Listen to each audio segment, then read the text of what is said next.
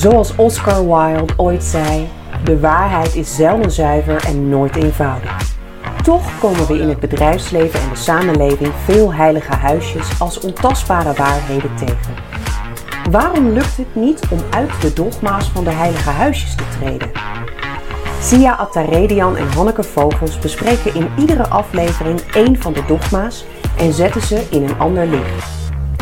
Wellicht kan het toch anders. Hallo allemaal. Uh, wij staan nu in het pand van uh, Avisi. En uh, bij deze ook een dank aan de mensen van Avisi dat wij hier mogen zijn. Het is ook de plek waar Hanneke en ik uh, elkaar hebben leren kennen.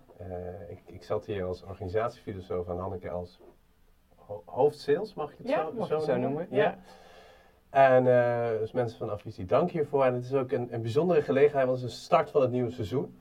We hebben het erover gehad, gaan we door, gaan we niet door. We hebben uh, wat gereflecteerd, we hebben uh, feedback opgehaald en wij waren nog heel enthousiast. En, en de mensen om ons heen en de luisteraars waren ook heel erg enthousiast. Dus, dus uh, voor deze speciale gelegenheid één podcast in persoon. Ja, Ehm, want waarom doen we dit eigenlijk niet, Sia? vaker in persoon. Ja, Nou ja, omdat we ergens ook met elkaar hebben besloten dat het oude normaal niet normaal was. Dus Ja. dat we niet gaan file rijden. Dus dat we niet als sardientjes in de trein gaan zitten. Dat we niet, hè, we hebben vaak ook gasten, hè, dat, eh, ehm, dat, we niet, dat we dat niet gaan doen. Maar nou ja, wellicht, hè, als dit heel goed bevalt, moeten we hier ook over reflecteren en kijken Ja. Of, we, of we vaker hier, hier gaan zitten. Ik weet wel met, met gasten is dat ze, nou ja, we hebben een hoop hoogleraren gehad of mensen die druk zijn, is het wordt natuurlijk lastiger in de agenda's om, om mensen hier, eh, hierheen te sleuren. En ergens, nou ja, jij weet hoe blij ik ben dat we elkaar nu in dit pand eh, eh, fysiek treffen. Maar ergens heb ik ook moeite met eh, het, het, oude, het oude normale. Dus dat we, Ja. als je ook kijkt hoeveel, 1 op de 5 heeft burn-out klachten, 1 op de 6 heeft paniekaanvallen, 1 op de, nou ga zo maar door. Ik denk van ja, daar moeten we ook iets aan doen. Hè? Dat we niet meer. Eh, eh, het was voor mij vroeger eh, als adviseur op een gegeven moment een tijd normaal om drie uur file te rijden op een dag. ja. Heel nou, herkenbaar. Ik heb natuurlijk al jarenlang in de sales gezeten. Voor mij was dat ook de standaard. Dat, vielen, ja, dat hoorde er gewoon bij. Ja, En inmiddels is dat een uitzondering voor mij, omdat ik heel veel gewoon ook vanuit huis werk. Het heeft wel echt een stuk rust gebracht in, eh, in de dagelijkse schema's, maar ook gewoon de verloren tijd die je hebt door met z'n allen in de rij te staan. Kijk om je heen, zit, iedereen zit alleen in de auto. ja, Eh, wat een druk dat geeft op, eh, eh, op het milieu, dat is, dat is totaal onnodig Ja. om, het, om het te doen. ja. Ehm, maar ik, en ik vind ook niet dat we heel veel concessies doen ten aanzien van de kwaliteit van een podcast als je niet bij elkaar zit. Ik denk dat we in de loop van de podcasten ook wel een modus hebben gevonden ja. om met elkaar daarin een, een goede flow te, te krijgen. Zeker, zeker. En ik, ik, moet, ik moet denken aan. eh, eh, ik, kwam terug van een, van een grote sessie. eh, wat eigenlijk in persoon zou zijn, maar uiteindelijk werd het ook digitaal. Maar ik moest daar wel heen om, om, om, een sessie te begeleiden. En ik kwam thuis en ik was gewoon dood. Ja. En ik heb daar echt over na zitten denken. Wat is er gebeurd? Hè? Ik moest een sessie. Nou, dat ging op zich prima. Dat was niks nieuws. Dat doe ik vaker. Maar ik, ik zat in een te volle trein. Ehm, Ja. en, en ik had een bos bloemen gekregen, et cetera. En ja, op een gegeven moment ga je ook maar op je telefoon kijken, zoals iedereen in de, in de trein. Dus ik zat ergens, was ik zo overprikkeld van die trein, dat ik Ja. thuis kwam en ik dacht van... pff. Tegelijkertijd merk ik ook hoe fijn dit is. Ja, de verbondenheid die je hebt door in dezelfde ruimte te zijn. Ik, ik, ik merk dat ik. ehm, eh, het lijkt wel alsof dan herinneringen aan iets. Een, eh, een, een, veel grotere, een, meer, een extra dimensie bijna krijgen. Als Ja. er een fysieke bijeenkomst is.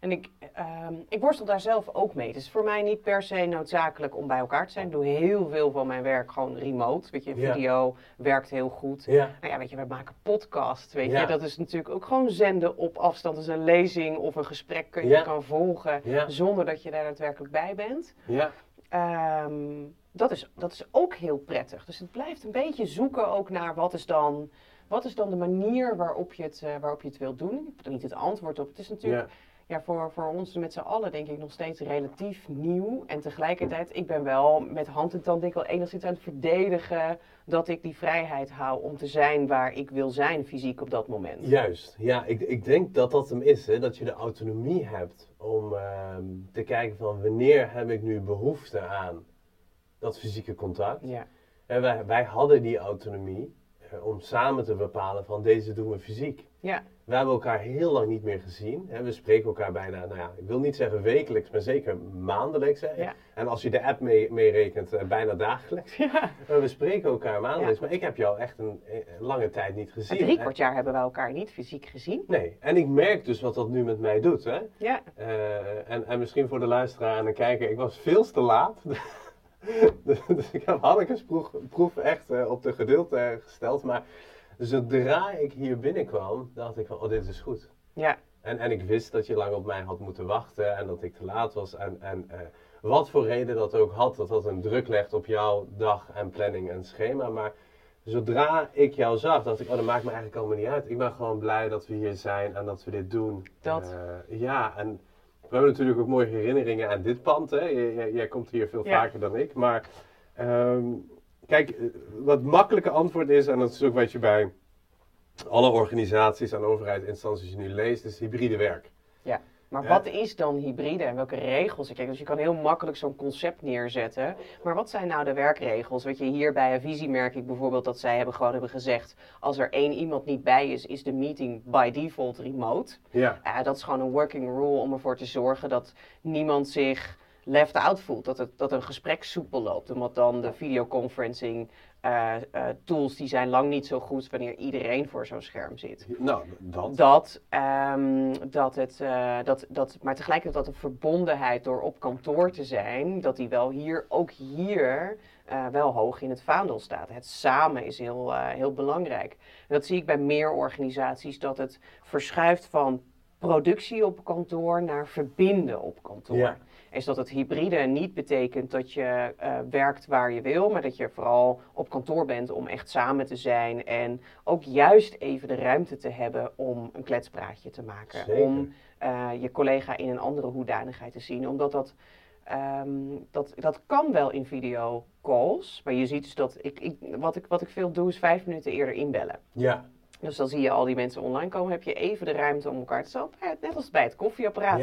Dat je met z'n allen bij hetzelfde koffieapparaat eh, op elkaar staat te wachten, vijf minuten voor die meeting. Dat stukje, dat is echt zo belangrijk. Ja, het dat is zo ontzettend noodzakelijk voor ons als mens om die verbinding te zoeken. Dat zag je ook wel elke keer terug in die podcast. Hè? Het is best wel een beetje Ja. een rode draad die we hebben, hebben Ja. gehad. Ja, dat weten zij natuurlijk niet, maar wij hebben altijd een, een soort van half uur voorpraten en met, met mensen Ja. landen. En, en soms ook zelfs eh, een uur daarna. Hè? Dus Ja. met, met René ten Bos hebben we daarna een uur gepraat. En in alle eerlijkheid, ik vond dat een veel mooier gesprek dan de podcast. Maar ja, de camera was al uit en dat zijn we, Ja, nou ja, dat, zijn we kwijt. maar dan is die verbondenheid is er. En dat, Ja. dat is misschien ook wel iets wat wij eh, moeten doen, is dat we gewoon die, eh, die camera laten lopen. Maar dan krijgen we wel hele lange podcasts hier. Ja, je, je weet dat ik daar een voorstander van ben. En eh, ik weet dat de luisteraar daar niet op zit te wachten. Dus dat is een beetje van, van wat, wat doe je daarmee? Eh, ik, ik, een vriend van mij zei laatst van, ja, weet je, jullie moeten misschien ook gewoon wat biertjes drinken en het gewoon gezellig hebben. Dus dat is een beetje het, het balans waar wij ook naar zoeken van, eigenlijk willen wij gewoon het goede gesprek. Dat is het, want dat is waarom we het zijn begonnen. Ja, de nuance van het gesprek is Ja. dat je alle kanten van iets kan onderzoeken waarvan we met z'n allen denken dat we, de, dat, we, dat we een bepaalde richting op moeten. Dus dat is dat heilige huisjes in een ander licht. Wat zijn nou, zijn nou die dogma's waar we eigenlijk zo overheen stappen? Eh, die zetten wij, proberen wij in een ander licht te zetten. En daar, Ja. dat is een genuanceerd gesprek Ja, met, met tegenstellingen, met ideeën. En ehm, dat vind ik dan zelf nog wel eens het allerlastigste van onze gesprekken, is dat er niet per definitie een uitkomst is. Dat is denk ik wel van bij Jesse, is dat we eigenlijk niet echt een uitkomst hebben, niet Ja. echt tot een conclusie komen. En tegelijkertijd was het wel een heel waardevol gesprek, ja. Ja, maar dat er is veel ook, aan bod is gekomen. Ja, maar dat is ook wat hij zegt. Hè. Dus eh, dat merkte hij in het voortraject wel. Dat hij zei van ja, ik heb geen heilige huisje. Ja, Dus dan, dat is wat hij dan brengt. Hè. Hij brengt, en hij, volgens mij noemde hij dat, en eh, dan moet ik even terugluisteren hoor, eh, relatief absolutisme Mhm. van voor mij is dit absoluut waar, maar alleen voor mij. Ja. Dus ik kan, eh, ik Ja, kan ja, het verhaal ja, niet ja, aan moeten we hem even terugluisteren. Maar Ja. dat, is, dat is inderdaad een, eh, een, hele, een hele mooie. Is dat het. ehm, nou, dat hadden we met René natuurlijk ook. Dat ging, dat ging ook over het debat.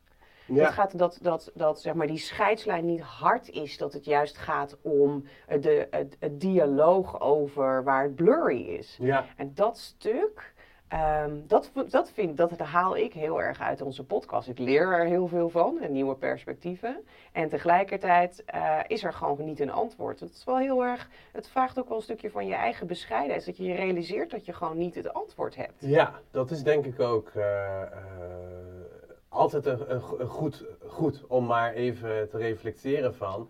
ehm, ik heb misschien wel een kompas of een moreel kompas, maar je moet hem constant blijven herijken. Van Ja. wat, wat vind ik en waarom vind ik dat en wat vinden anderen en, en misschien komt daar iets, iets nieuws uit. Maar ik vind ook, vond ook wel heel mooi hoe bijvoorbeeld ehm, Wouter of Ilja hè, echt een passie hadden. Ja. En echt een richting Ja, hadden. En zeiden mooi. van jongens, bij- Wouter was het doen niet zo ingewikkeld. En het vergt om moed. En, en ga nou die, eh, eh, die verandering aan. En laat nou eens van je horen. En stel die vragen. En Ilja met afwijkkunde, waar, waar eh, ik moet er eentje nog aan je laten zien. Maar waar we ook mails over krijgen van luisteraars die zo enthousiast zijn geworden. Dus dat is voor mij stiekem, hè, dat is de, wij zijn begonnen om het, voor het goede gesprek. Maar ik merk ook stiekem dat ik het heel erg waardeer. Dus dat je twee, drie afwijkkundigen, als je die in hun kracht kan zetten. Ja. Als je, eh, ook al is het het enige dat ze denken, ik ben niet gek. Hè, ik- Ja, dus de herkenning van, oh, dat zie ik ook zo. Of dat er meerdere, nou dat, is, dat komt dan weer een beetje terug ook in die, eh, in die bubbels, waar die communities, dat community denken, dat zit ook een aantal keren door een aantal podcasts heen, is dat, het, eh, dat er geen zuilen meer zijn, maar dat er bubbels zijn en dat je daar doorheen kan verhuizen. Wouter had het ook over communities, daar ontstaat de verandering eh, in de like-minded people. Is, is dat, is dat Wouter ten Haven of Wouter van Eh, Noord? eh, Wouter van Noord. ja, dus dat is weer een andere Ja, ja, we hadden twee Wouters inderdaad. Goed ja, dat je dat, eh, dat, het dat toelicht. Nee, dus dat het gaat over change komt vanuit, eh, vanuit bubbels. kan niet worden opgelegd, maar het is ook niet één individueel leider die dat moet trekken. Die is er vaak niet. Het gaat meer om bewegingen met meerdere mensen samen.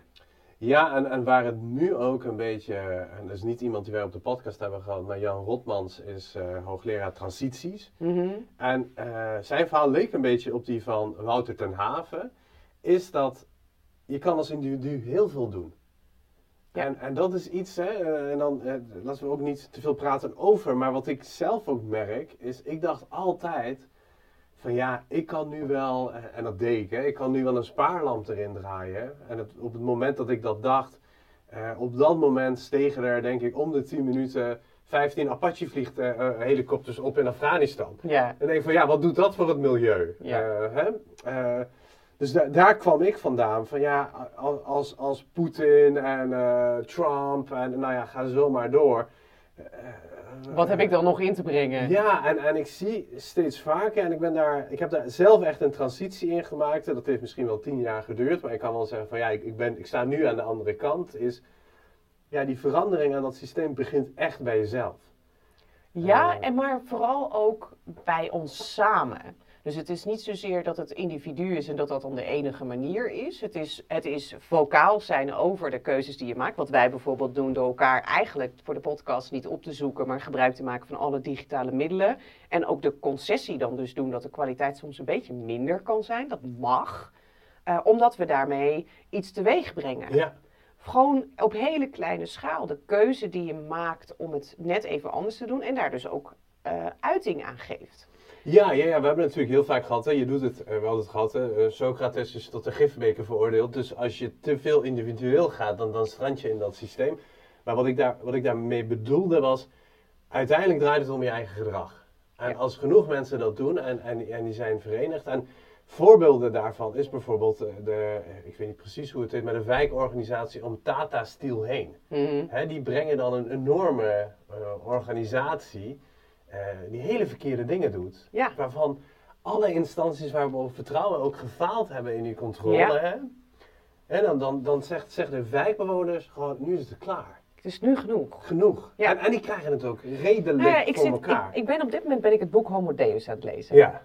Eh, leuk, eh, mooi geschreven boek. Ik heb de Homo Sapiens niet gelezen, maar ik zit nu Homo Deus te lezen. En daarin eh, Nou, is ik, heb, de ik heb Sapiens gelezen, dus misschien kunnen we Ja, ja, samen ja, ja. het geel Nee, de conclusie die daar, die daar natuurlijk in staat, is dat hetgeen ons onderscheidt van de dieren, is het feit dat wij in staat zijn om te echt te verenigen, maar dan ook te verenigen rondom iets wat er nog niet is. ja, Dus wij in staat zijn om met onze eigen verbeeldingskracht, om ons te verenigen rondom een idee. Ja, en dat, dat stuk, dat, dat, eh, dat is wat er hier gebeurt. En ik denk ook dat, dat dat gaat over welke verandering je ook wil in de omgeving die je, die je doet. Dus dat het gaat om je eigen gedrag en het samen, het vocaal zijn erover. En het proberen mensen met elkaar te verbinden. En ook dan juist gaat het over luisteren, over empathie, over zoeken naar waar vinden we common ground. ja. En dat is wat ik in heel veel discussies, en we hebben natuurlijk, zitten natuurlijk volop nog in alle coronamaatregelen, eh, is dat de common ground zoeken van hoe dan wel, hoe dan samen, dat komt vanuit het, het empathische stuk dat je je ook daadwerkelijk in een ander wil verplaatsen. ja. Dan pas kan je je verenigen. Ja, eens. eens. Iets wat ik ook eh, eh, misschien een iets kritischer geluid is. Ik, ik merk ook aan de huidige Denker des Vaderlands, waar ik echt een groot fan van ben. Eh, Google hem maar, want ik ga hem ook niet noemen. En hopelijk prikkelt het jullie om hem, om hem te googlen. Is gespecialiseerd in, in Nietzsche. Eh, en hoewel Nietzsche een hele eh, prikkelende filosoof is, om het maar zo te zeggen. Heel, heel destructief en echt, echt een eh, gepassioneerde ziel. Mhm. Dan noem ik even zijn voornaam. Paul is dat niet. Hè? Dus die kan heel gestructureerd denken en die, en die verhalen van Nietzsche aan elkaar koppelen. Is iets waar ik ook bang voor ben. Hè? Even los van die common ground en elkaar vinden. Ja. Is, is dat we ook ergens in een soort van nihilisme zaten. Het maakt allemaal niet uit. Eh, het is allemaal, en, en wat corona doet, op zijn minst, hè, de- ook met die verdeeldheid, is dat mensen op zijn minst ergens voor gaan staan. Ja. Hè, dat- en, en dat vind ik misschien wel het, en ik zal hierna nog een andere stap maken, maar dat vind ik op, op zijn minst, hè, voorbij het nihilisme, denk ik van oké. Hè, er is, het is niet alleen maar vreten en slapen en in het, en, en in het niets van oh, oh, oh, oh. Er is ook ergens iets van, er, zijn, er is iets om wakker over te worden. Er is iets om voor eh, te vechten. Wat ik mis in de, in de, in de, in de debatten en, en mis in eh, nou ja, de nieuwe bewegingen die nu gaande zijn, is laten we proberen ook het goede na te streven. Dus Ja. ergens een richting. Dus dat Ja. Postmodernisme, het is allemaal een mening, of dat eh, intersubjectivisme, laten we elkaar allemaal vinden in verschillende perspectieven. Nou, om, om Nietzsche te quoten, er zijn geen feiten, er zijn slechts interpretaties. Hè? Ja. Eh, allemaal oké, maar ergens, hè, Ergens is er een normenset nodig. Ergens is een definitie van het goede nodig. Waar René natuurlijk van zei: ja, ja, ja, dat is, dat is heel lastig, dat kunnen we niet maken. Maar ik denk wel dat we als gemeenschap dat juist wel zouden kunnen. Ja, en proberen. Dus Ja. je, je, je gaat daar fundamenteel in tekort schieten. Maar dat je wakker wordt en je denkt van ik probeer vandaag het goede te doen. Ja. En ik streef daarna. En, Maar- ik, en ik weet niet wat dat is. Want als ik dat wist, als ik echt wist, dan zat ik bij ISIS. Eh, want dan dacht ik, ik weet, ik, ik weet wat het goede is en ik ga dat nu aan jullie allemaal opleggen. Dus ergens kan ik daar niet bij. Ja. Hè? Eh, dat is heel platoons, eh, ergens is dat in de ideeënwereld. Maar ik, ik ga er naar streven. Ik ga er naar streven, iedere dag, om het goede te doen. En, en, en als we dat nou zouden streven, en we gaan er allemaal dagelijks in falen, dan zou ik denken van, oké, van dat nihilisme naar, nou, nu een beetje een soort van idealisme, waarbij iedereen immunoloog is en, en weet hoe, hoe, hoe Ja, dat wordt ook ingewikkeld, hè? dat snap je. Maar ja, Een streven. Ja, een streven. Naar, naar het goede doen. En ehm, ik denk dat we dat nodig hebben. En ik denk dat dat iets verder gaat in, eh, eh, dan ehm, naar elkaar luisteren of, of common ground zoeken. Maar dat je ook streeft om het goede te doen. Ja. En wat dat dan is, weet ik ook niet. En dat zal contextueel ook verschillen. Maar dat je dat streven van binnen in je hebt. Oké, maar laten we dat dan ook als uitgangspunt nemen voor, het volgende, voor dit seizoen van, eh, van, van Heilige Huisjes. Ik vind het wel mooi is dat we, dat we gaan zoeken in de nuance van het gesprek wat dan dat goede is. Nou, dat vind ik een hele goeie. Vind ik ik- echt heel mooi. Als ik dan, we hebben een aantal, eh, een aantal gasten nog in ons hoofd. Ja, Eh, dat we wat meer gaan zoeken naar, oké, we weten dat we falen, maar dat, dat geeft niet. Dat we dan de, de nuance van het goede zoeken, van de Ja. ethiek, eh, van het zaken doen, van het samenleven. Wat dan, waar dan de antwoorden zouden moeten zitten. Welke richting moeten Vind, we nou vind op? ik heel mooi. Want ik denk ook, kijk, ehm, ik werk als organisatieadviseur, maar het liefst ook, hè, en dat doe ik ook als organisatiefilosoof. Ja. En ik merk in die, in die gesprekken, nou jij bent bijvoorbeeld een opdrachtgever geweest, jij hebt mij gebeld, et cetera. Eh, jou hoefde ik dit niet uit te leggen, maar er wordt mij vaak gevraagd van ja, wat moeten we dan met dat filosofie? En, en ik ben daar heel ontspannen in, Ja. want wat ik merk is dat er, eh, er is een enorme weerstand op in de eerste instantie, Mhm. maar een extreme behoefte aan. Ja, Dus er is een gevoel van vervreemding. ja, Hè? En, en ik hoef dat helemaal niet uit te gaan Nee. leggen, want mijn, ja, mijn counterpart, hey, ik hoef maar vier vragen te stellen. Ja.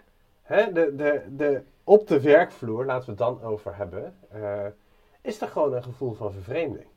Hè, dat is wat ik doe, is de behoefte aan zingeving. En dat zie je met de nieuwe generatie des te meer.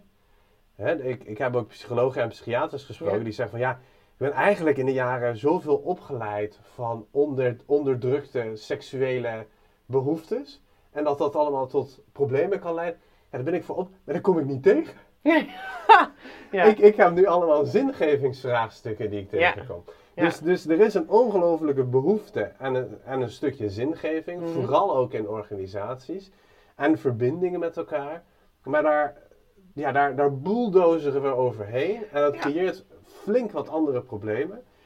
En ik denk, hè, ook voor deze podcast, eh, die behoefte is er wel. En die voel je hier. En het is een soort van wederherinnering dat je denkt van, oh ja, Ja, ik herken dat wel. Kijk, ik zit natuurlijk helemaal aan de systematische kant. Dus ik hou mij heel erg bezig met de systematiek rondom sales. Dus hoe kan je nou eh, als, als techbedrijf eh, groeien?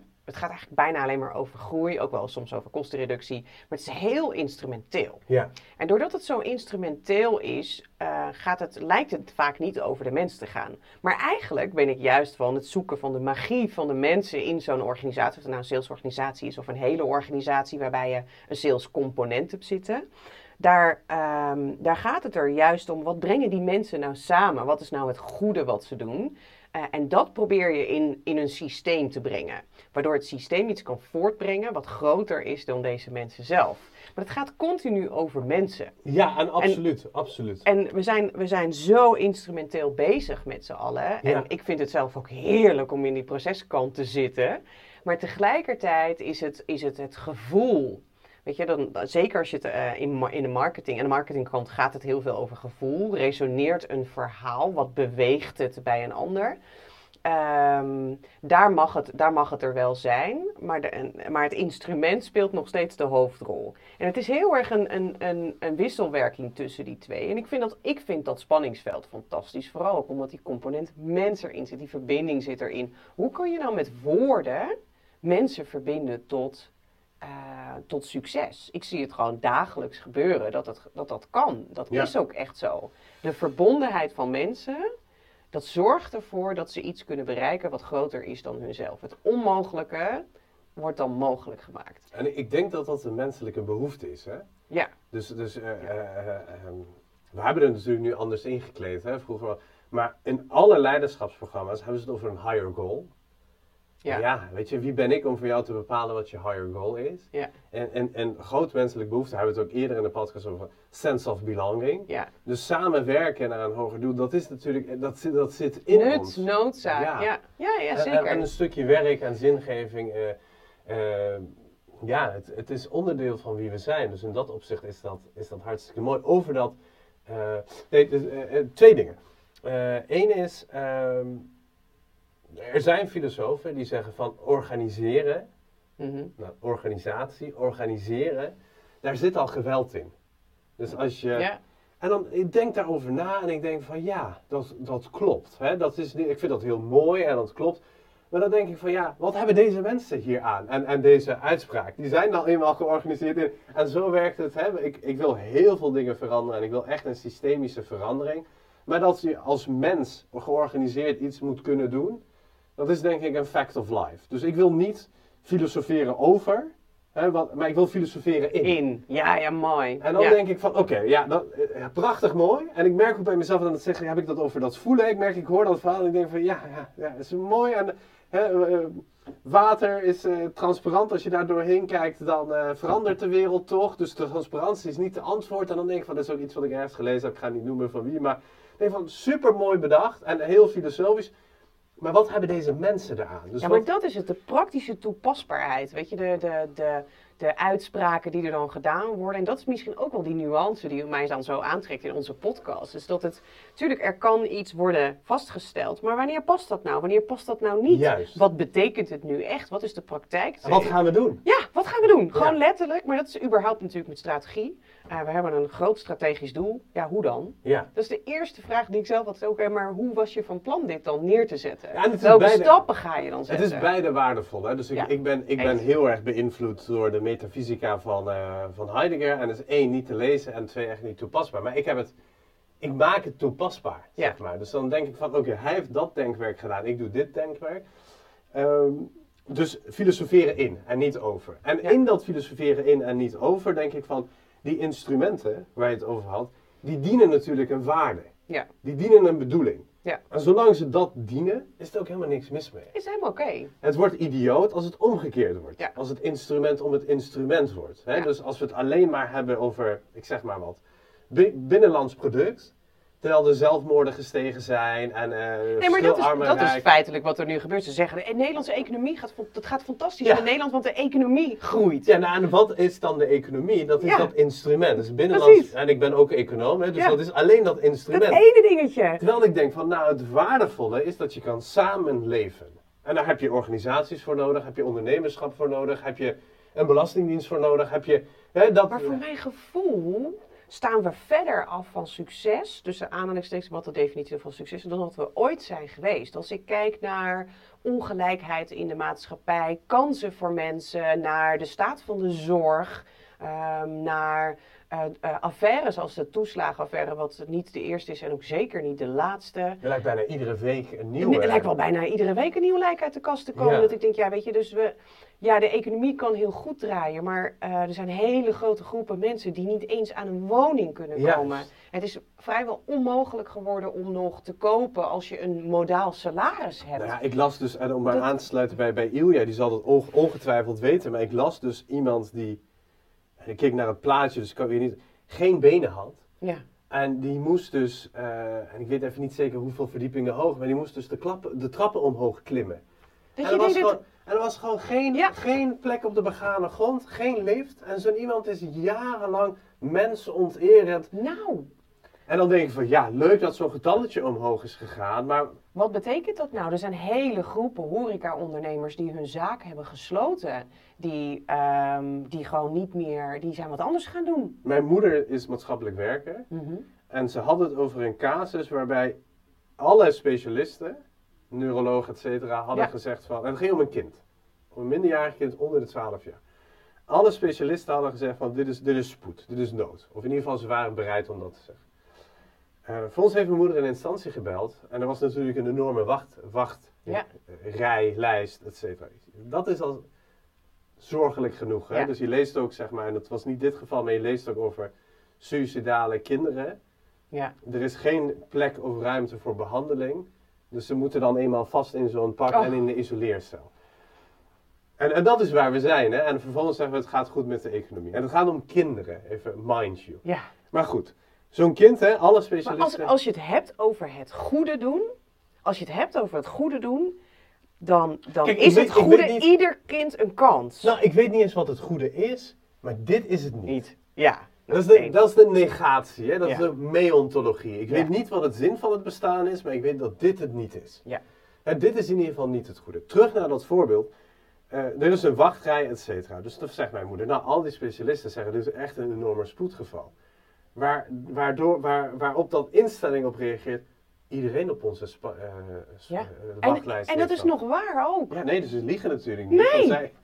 En dan denk ik van, Ja, hoe goed gaat het nou echt met ons als, Ja. we, als we die kinderen op die wachtlijst en dan nog zo'n spoedgeval erbij, dat we die niet kunnen helpen? Maar gewoon ook niet. Gewoon niet kunnen helpen terwijl dat kind dat nodig heeft. En ik denk van ja, kijk, ehm, ik heb hier geen last van. Ik als individu Nee. zal, maar dit is toch niet de samenleving die we willen? Ja, we hebben, er zijn natuurlijk heel veel, heel veel discussies gaande. eh, discussies. Ik, ik ga, maak even een zijsprong. Nou, dat, Eh, dat wordt mij, voor mij, wat wij voor- doen. denk ik. Zij sprongen maar. Nee, ja, maar voor mij als vrouw, het gaat bij mij heel vaak over mijn moederschap ook. Ik, Ja. ben, eh, ik ben moeder van een tweeling, die is inmiddels bijna zeven. Een jongen en een meid. Ehm, en dat moederschap heeft in mijn hoofd echt iets veranderd. Als het gaat, ik heb, was altijd verschrikkelijk ambitieus. Ik moest hard, ik moest snel. En ik heb in, in één keer kreeg ik, een, kreeg ik een heel ander perspectief. In de harde zakenwereld moet je dat min of meer verborgen houden. Ik vind ook weinig resonantie als ik daar dan over praat. Gek genoeg heeft het mij als mens veel completer gemaakt. Maar ook in mijn werk ben ik veel beter geworden. Ik ben echt, echt gewoon, door die mindshift ben ik milder geworden naar de mensen om me heen. Ik gun mezelf ook de tijd. Ik heb veel betere dingen. Het valt allemaal op zijn plek. En die zachtheid die ik nu in mij heb, wordt over het algemeen gezien als, ehm, als kwetsbaar. En eigenlijk niet meer heel erg in de, in de, in de, in de zakelijke wereld, niet meer als heel erg eh, ehm, constructief. Dat helpt niet. Je moet hard, je moet 80 uur in de week werken, je moet ervoor gaan, anders word je nooit heel groot. Maar dat ik denk, ja, maar moeten wij niet überhaupt veel meer naar die zachtere kant van leiding geven, waar die ethiek de ruimte krijgt, waar we, de, waar we met elkaar in gesprek gaan over, ja, maar jongens, dit willen wij niet. Als ik kijk naar de, naar de woorden die er dan op, op persconferenties worden gebruikt om mensen te dwingen om een stap te zetten. Dat ik denk, ja, maar dit is het niet. Dit is niet de weg om te gaan. We hebben één focus en we gaan en die rij, die pakken we. Terwijl er, ehm, ik verhalen hoor dat in de zorg mensen zich niet ziek durven melden, ook al zijn ze helemaal kapot. De weg waar we op zitten is dus blijkbaar met alle geweld die je erin duwt, niet de weg om te gaan. En dat geldt natuurlijk voor de, voor de, eh, voor de acute zorg voor onze kinderen, maar ook voor volwassenen. Dus ik, voor mij zit daar, kinderen, het gaat nog dieper omdat ik zelf kinderen heb. Ik ben daar helemaal anders naar gaan kijken. Dus als ik, als ik mezelf dan over het politieke spectrum, zeg maar, ik ben echt heen en weer bewogen. Van links naar rechts, naar links. Naar... En het gaat alle kanten op, maar nergens vind ik, vind ik een, een stuk ideologie. Ik vind nergens Dat is de dat hè? echte, Dat de, is dat echte, de echte ethiek Ja. Van dit is onacceptabel en wij gaan ervoor vechten. Voor vechten dat in dit geval ieder kind dat hulp nodig heeft, direct hulp kan krijgen. Ja.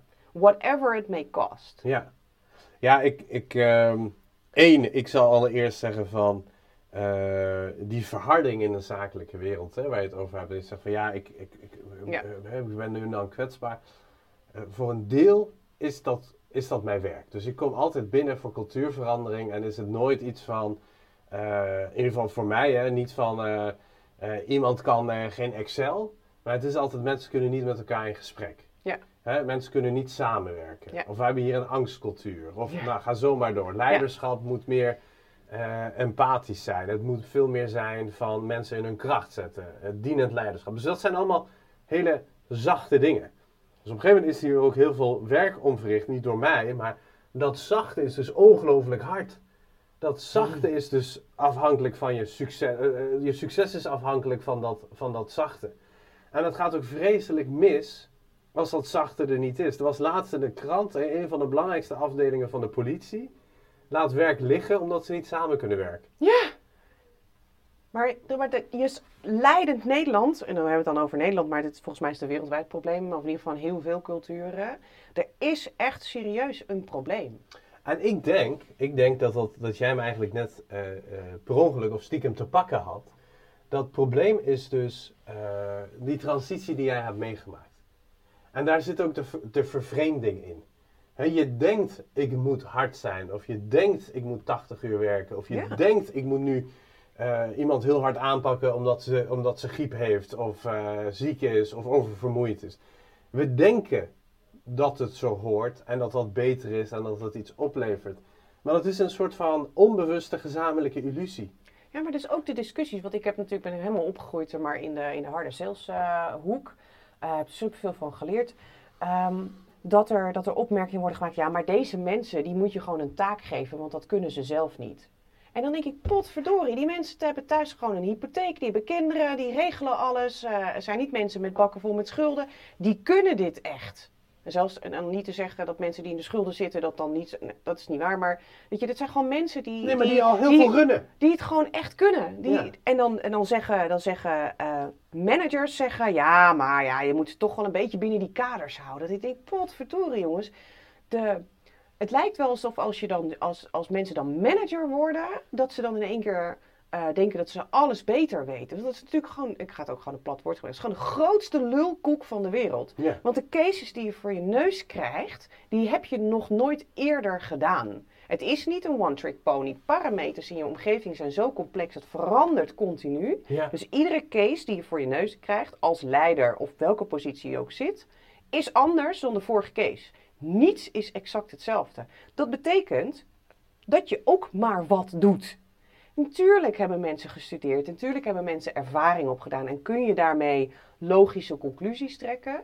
Maar het is niet zo dat je, al het antwoord, dat je alle antwoorden hebt. Dus de bescheidenheid van het leiderschap, daar kan nog wel wat mee gebeuren.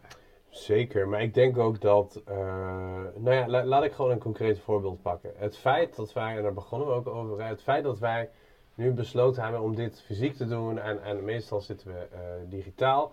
En ik pak hem dan ook even terug op dat hybride werken. Hè? Ja? Want, natuurlijk ja, ja. uh, en ik bedoelde dat met een knipoog. Hè? Je zegt hybride werken alsof het dan opgelost is. Ja, maar wat doe je dan? Ja, wat doe je dan? Drie, drie zijn er en eentje zit op het scherm. En het, het, wat, het, wat? Ja, precies. Uh, ik denk de mensen de waardigheid aan de autonomie teruggeven. Hè? En als iemand dat niet kan, dan wordt dat vanzelf ook wel duidelijk. En dan acteer je daarop. Maar in de eerste instantie vanuit waardigheid en vertrouwen mensen autonomie geven en zeggen kom er maar uit. Nou, wij, hebben, wij doen dit nu. volgens mij hebben we echt een aantal episodes al opgenomen en gedaan. En er gebeuren natuurlijk dingen. Ja. En toch is het ons gelukt, hè, jou en mij, om zonder een leidinggevende vanuit onze eigen autonomie te kijken van hoe gaan we hiermee om. Ja. Hè, uh, en, uh, jij weet dat er van alles is gebeurd, zeg maar. En, ja. en, en dat, dat, doen we dan, dat doen we dan samen. Blijkbaar zijn wij in staat om dat op te lossen. En uh, die manager, uh, waar Wouter uitgebreid ook over gesproken heeft, en dit is ja. blijkbaar ook een soort van terugblik naar alle episodes, ja, ze zijn allemaal. Uh, die heeft zeker een rol en die heeft zeker een functie en dat is ook nodig. Hè, er zijn gewoon managementtaken die, die nodig Absoluut. zijn. Absoluut. Wij hebben ook een keer gedacht van hé, hey, wij komen er samen niet uit welke heilig huisje we willen. Ja. Nou, dan zijn we naar de gast gegaan als een soort van manager, als een managementtaak. Ja. We gaan naar de hiërarchie, we gaan naar jou toe, jij bent de gast, kies jij maar. Ja.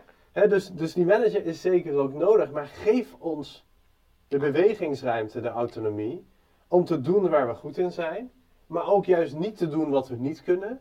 Ja. Uh, en ja, weet je, als we op termijn denken van er moet een derde bij of een vierde bij, of Gaan we dat uh, gewoon doen? Dan, dan, we lossen het op als het voor ons neus komt. En als wij er samen niet uitkomen, dan, ja, dan gaan wij naar die, in ons geval naar die gast, maar in, in het geval van het werk zou dan naar die manager gaan. Van hé, Ja. hey, wij hebben dit besproken, dit zijn twee goede argumenten.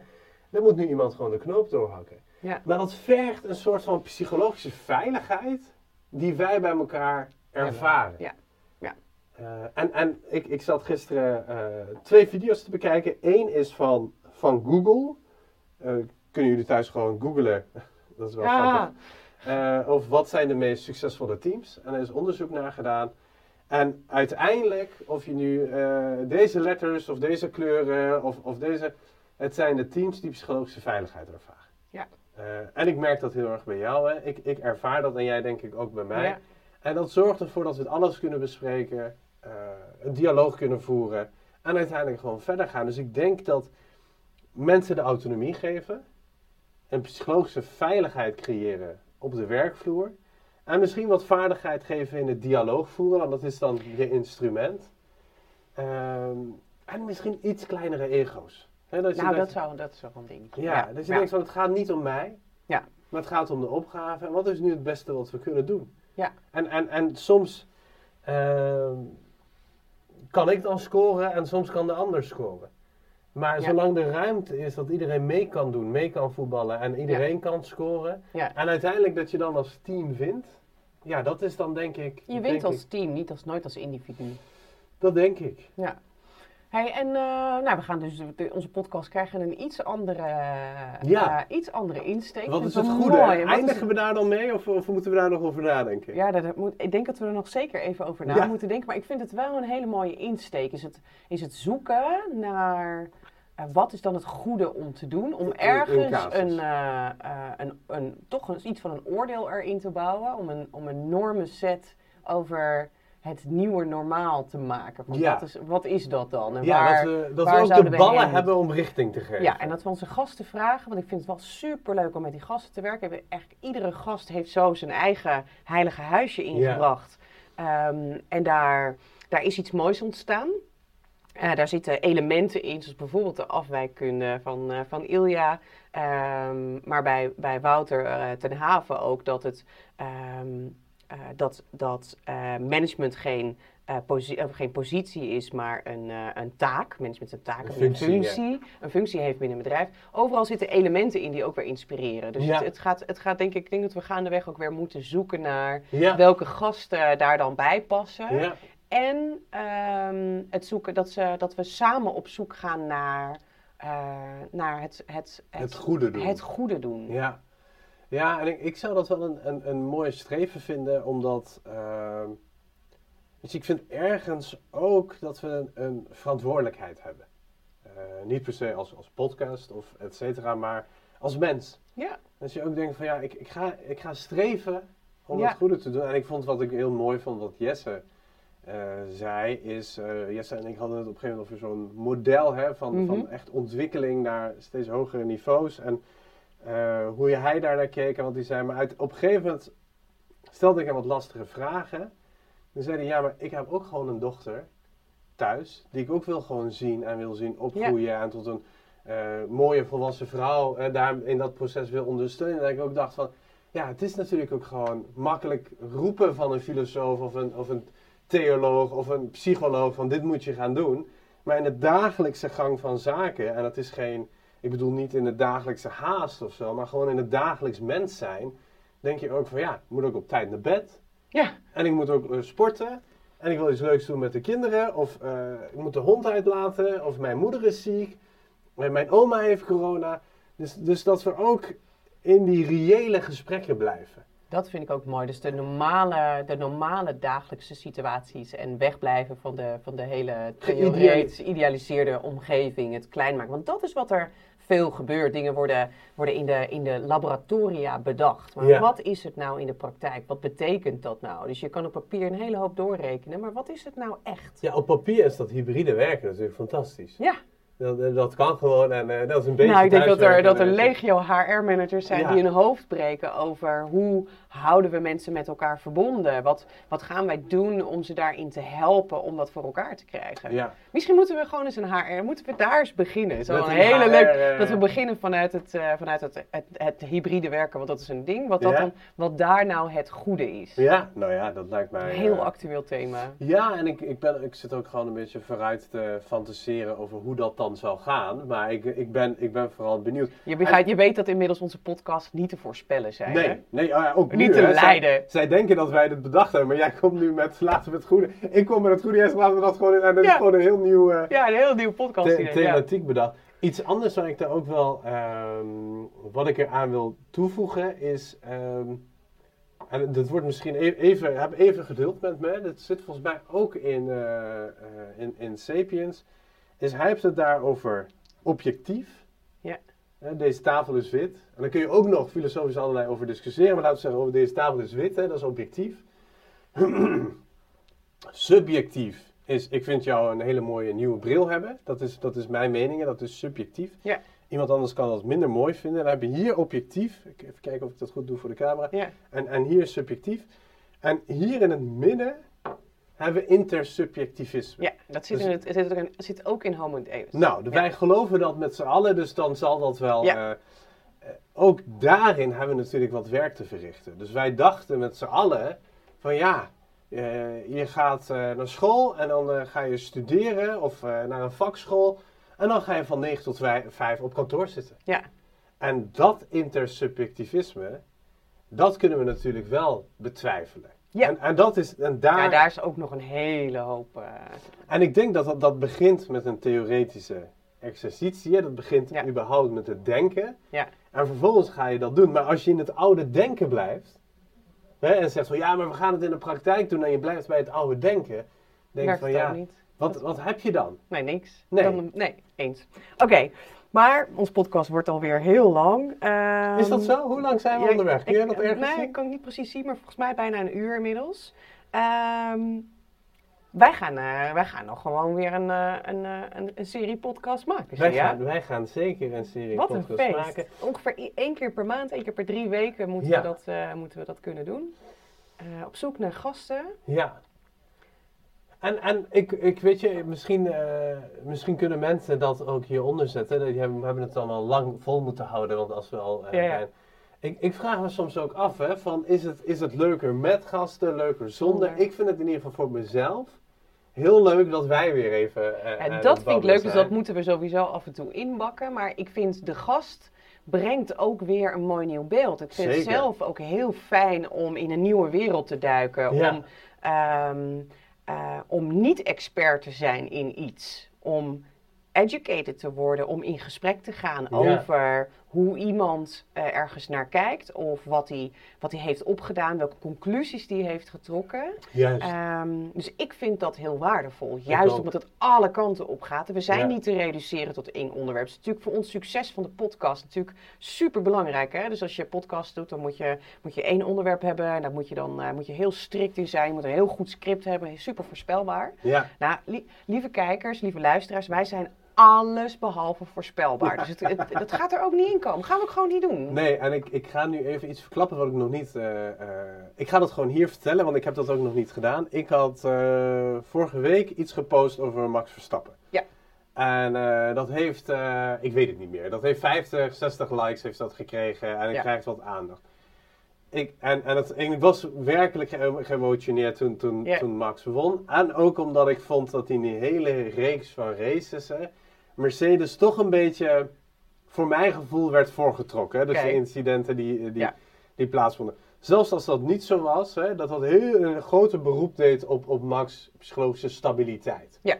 Voor zo'n jonge, jonge gast. En hoe hij eh, kalm bleef, en daar, daar ging het mij alleen om. Hè, hoe hij kalm bleef, ondanks zoveel tegenslagen. En dan uiteindelijk in de laatste minuten er gewoon Ja. stond. Ja, vond ik gewoon ongelooflijk inspirerend. ja, Maar, en, en, en Oh, jij nou zal zeggen, ja, de, Nou nu komt hij. Ja, ja. ja. Dus iedere, en, en ik spreek ze ook, iedere marketingsgoeroe zegt tegen mij, kies één onderwerp uit, zorg dat je daarvoor zichtbaar bent en blijf herhalen, blijf posten, blijf posten. Dit zou dan gaan over persoonlijk leiderschap, dus eigenlijk moet ik dat dan blijven herhalen. Ja. En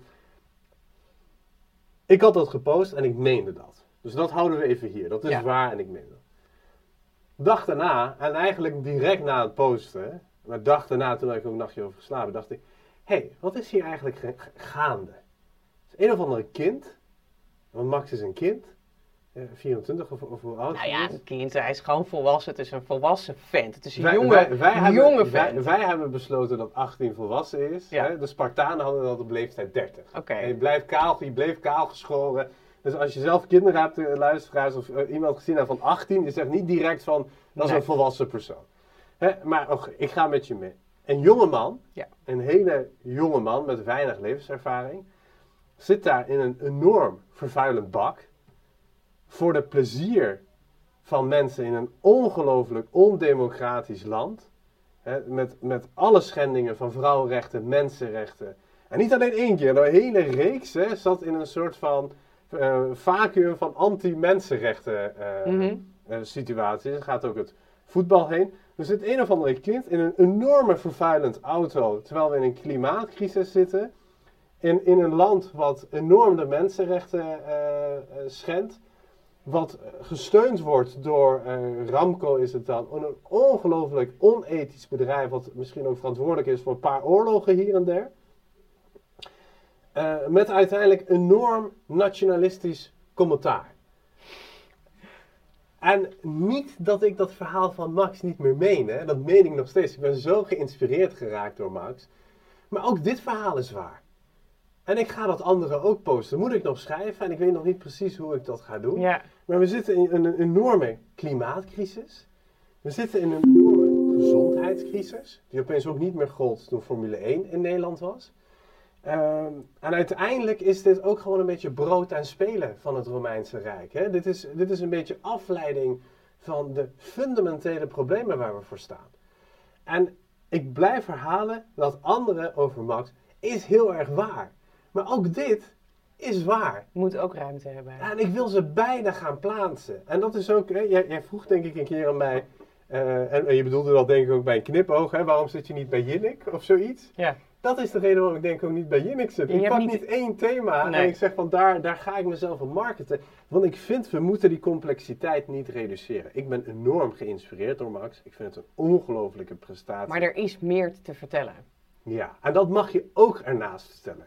Ja. En, en dat vind ik ook voor de andere kant. Hè. Alleen Nee, maar maar dus- op de Formule 1 is ook, is het een ongelofelijke Ja. prestatie van die jongeman. Wat hij heeft gedaan met de mentale stabiliteit. Maar de Formule zo'n druk. 1 zorgt ook voor innovaties in, eh, in auto's. Dus er, er, zitten meerdere, er zitten heel veel kanten aan het verhaal. En die nuance, dat is natuurlijk wat wij gewoon in die podcast willen doen. Ja, Dat is, dat is, het, dat is de, de, de hele reden waarom wij überhaupt onze gesprekken zijn gaan opnemen. Omdat er altijd meer kanten van een verhaal zijn. En die maken het niet makkelijker. Ehm, maar ik denk dat we, dat we echt wel mogen vertrouwen op de mensen om ons heen. Dus dat we niet alles hoeven te reduceren naar one-liners. ja, Mensen zijn niet te reduceren naar one-liners. Ja. Je bent niet één ding. juist. Je houdt niet van één ding. Mensen zijn divers, mensen zijn mooi. En eh, we zijn allemaal, het moet allemaal in dat hokje passen. Ja, maar het is ik ook wel wat natuurlijk Ilja zegt. Wat, wat is nou de norm? Juist. De norm is dit en je moet daarin passen. En iedereen voelt aan alles dat het niet klopt. Nee. Nee. Dus dat, en die nuance, misschien is dat de belofte ook naar onze kijkers, is dat wij die nuance blijven opzoeken. Ja, of eh, de beide kanten belichten. Hè? Want Ja. ik heb dat heel gepassioneerd voor dat ene kant gedaan. Ik ga het nu gepassioneerd voor de andere kant doen. En dat is marketingtechnisch een drama. Maar dat is denk ik ook wel een beetje wat wij als samenleving nodig hebben. Ja. Hè, dat je beide kanten eh, eh, kan belichten. En ik vind ook in het vaccinatiedebat, om, Mhm. maar, om maar een gevoelig onderwerp Oh. te pakken, Nou, daar pak je er wel een. dan denk ik ook van eh, om de wetenschap dusdanig in twijfel te trekken terwijl je daar niks van weet, dat is echt niet oké. Ja, en daartegenover zet ik dan, de wetenschap weet ook niet alles. Dus als dat- dat zo is- nieuw is, hebben ze niet het antwoord. Dus presenteer nou ook niet alsof je het antwoord hebt. Dat doet de wetenschap niet, dat doen de Precies. mensen eromheen. Ja. Maar dus daar zie je dus ook de... de, de uh, dus voor alles wat je, wat je zegt, dus ik ben het met je eens. We zijn met z'n allen wel in één keer viroloog geworden en, geworden. En we weten ook donders goed met z'n allen hoe dan die vaccins, of dat wel goed niet, of niet goed is. Dat Mijn, vinden we. Mijn, mijn oom zei, mijn kinderen zijn het meest waardevol in mijn leven. Toen ik ze moest vaccineren, heb ik echt niet gekeken of het Moderna, AstraZeneca of wat dan ook was. En nu is opeens iedereen vaccin-expert. Maar je hebt allemaal wel je kinderen laten vaccineren. En ergens denk ik ook van, en, en ik, ik, sorry dat ik je onderbreek, maar ik wil dat verhaal even afmaken. Ergens denk ik ook wel van, ehm, laten we niet doen alsof een salsa-leraar ons kan vertellen wat die vaccinatie inhoudt. En ik heb het niet over de politiek, hè, dus dat die boodschap Mhm. wordt ontvoerd en gekidnapt en op een andere manier wordt gepresenteerd. Ehm, op dat niveau denk ik van, je gaat ook niet met de chirurg in gesprek van, ja, snij me maar hier, want dan eh, kun je beter bij mijn hart. Hè? Nee, dat, dat doet de chirurg. Ja. En ook in die discussies over toen AstraZeneca bleek dat eh, medicaties die je voor eh, anesthesie of verdoving of voor je hart Mhm. veel vaker krijgt, veel meer complicaties veroorzaken. Maar die krijg je gewoon hè, in het ziekenhuis en dan sta je niet bij stil. Of auto-ongelukken of gebeten worden door een hond, procentueel hè, was, dat, was dat heel scheef. En dan Ja. zeg ik niet dat je moest laten vaccineren of niet, maar ik zeg van laten we dan het inhoudelijke gesprek voeren en niet zomaar wat roepen. En we zijn allemaal als mens gelijk geboren, Mhm. maar we hebben verschillende expertises. Ja. Dus als jij de timmerman bent, is het ook, zou het ook heel raar zijn dat de viroloog aan je zegt van ja, dat is verkeerd hout. Dat moet je niet, of zo moet je niet. Dan denk ik van ja, er zijn mensen die hun hele leven gewijd hebben Ja. aan een bepaald thema. Laten we kennis ook niet eh, aan inflatie laten eh, ondergaan. Heers Balling is volgens mij, eh, ik heb zijn boeken gehad voor mijn studie rechten. Heers Balling is volgens mij in ieder geval gepromoveerd in het staatsrecht. Ik hoef niet dat ik het verkeerd zeg, maar misschien is hij ook professor. Ehm, Donner was dat volgens mij ook. Hè? Maar het was op een gegeven moment een discussie tussen Heers Balling en Geert, Geert Wilders. Mhm. En even los van, en ik ben geen aanhanger van beide partijen, los van de ideologieën denk ik, hé, hey, er is iemand die zijn leven lang gestudeerd heeft over de conflicten tussen onze grondrechten, Mhm. vrijheid van religie, vrijheid van meningsuiting, eh, artikel 1 van de grondwet, eh, gelijkheidsbeginsel. Ja. En die heeft daar jarenlang mee gestoeid. En er is iemand die maar wat schreeuwt. En dan denk ik van ja, even los van de emoties die daaronder zitten, als ik mezelf wil laten informeren, heb ik liever degene die, die zich daar jarenlang in verdiept heeft. En niet om te zeggen dat Geert geen stem vertegenwoordigt, hè, en dat moet in het parlement zo kunnen. Maar het gaat mij om die kennis. Ja, en dat, ehm, ik, ik denk dat, eh, maar dit is eigenlijk een hele nieuwe podcast hier. We moeten deze denk ik gewoon afsluiten. ik wil nee, maar hier moeten we het wel over gaan hebben. Over de waarde die wij hechten aan kennis. En hoe, hoe je daarmee om moet gaan. Wat is nou de goede manier om daarmee om te gaan? En, en ik wil daar wel één ding aan, aan toevoegen. Dit gezegd hebbende, eh, ik heb ook wetenschapsfilosofie gedaan. En ik ben ongelooflijk kritisch op de wetenschap. Nee, eens. Dus, er, zit, Dus- dus het is, er is niet één antwoord. Laten we deze inderdaad echt in een, eh, in een podcast Maar ik, ik wil wel blijven herhalen hoe maatschappelijk en wetenschap kritisch ik ben. Maar dat is een beetje een ander gesprek op een ander niveau. Ja. Dus ik denk ook van, als ik naar de eh, eh, chirurg ga, heb ik niet zoiets van, nou, jij moet het anders gaan doen. Nee. Maar als ik kijk naar het onderzoek in de psychologie, het 90% van het onderzoek is gedaan op 10% van de wereldbevolking. Ja. Dus bijna al het onderzoek is gedaan uit, eh, studenten, op studenten uit westerse rijke landen. Ja. zeg ik van ja, maar ja, is, geldt dat voor mij? Geldt dat iemand voor iemand in Afrika? En, en dat is gewoon een enorme valkuil van wetenschap en onderzoek. Ja. Maar ik ga dan niet schreeuwen, wetenschap is onzin. Nee, want dat is het ook niet. Er werken heel veel mensen met ziel en zaligheid die daar fantastisch mooie dingen doen. En waar wij op onderzoeken. vertrouwen, hè? Waar we hem op moeten vertrouwen. Ja, Oké, ehm, naar de afronding. Zullen we het gewoon doen? Dit was onze eerste podcast in de nieuwe, de nieuwe serie. Ehm, ontzettend blij dat jullie eh, eh, eh, hebben gekeken. Wij, wij kijken uit naar de, de, volgende, de volgende podcast waarin wij in gesprek gaan over wat dan het goede is. Waarin we de nuances zoeken, dingen van verschillende kanten bekijken. Ehm, bear with us. Het gesprek gaat altijd alle kanten op. Maar als je één keer in de maand zin hebt om in gesprek naar een gesprek te luisteren wat, wat diverse kanten raakt, waarin je de nuance ook wil zoeken, be our guests. Mocht je tips voor ons hebben over gasten, mensen die je heel graag wil, je zelf een keer heel graag in onze podcast, eh, zoek contact met ons met alle liefde. Je vindt ons eh, op LinkedIn vrij prominent. En eh, wellicht tot, tot snel. Dankjewel. nou, ik zou Affici willen nogmaals willen bedanken voor de ruimte en de techniek. En de luisteraar en de kijker ook heel, heel erg bedankt. Ook voor jullie berichtjes en, en mails. Heel erg dank en wij kijken ernaar uit. Zeker. Dankjewel. Bye.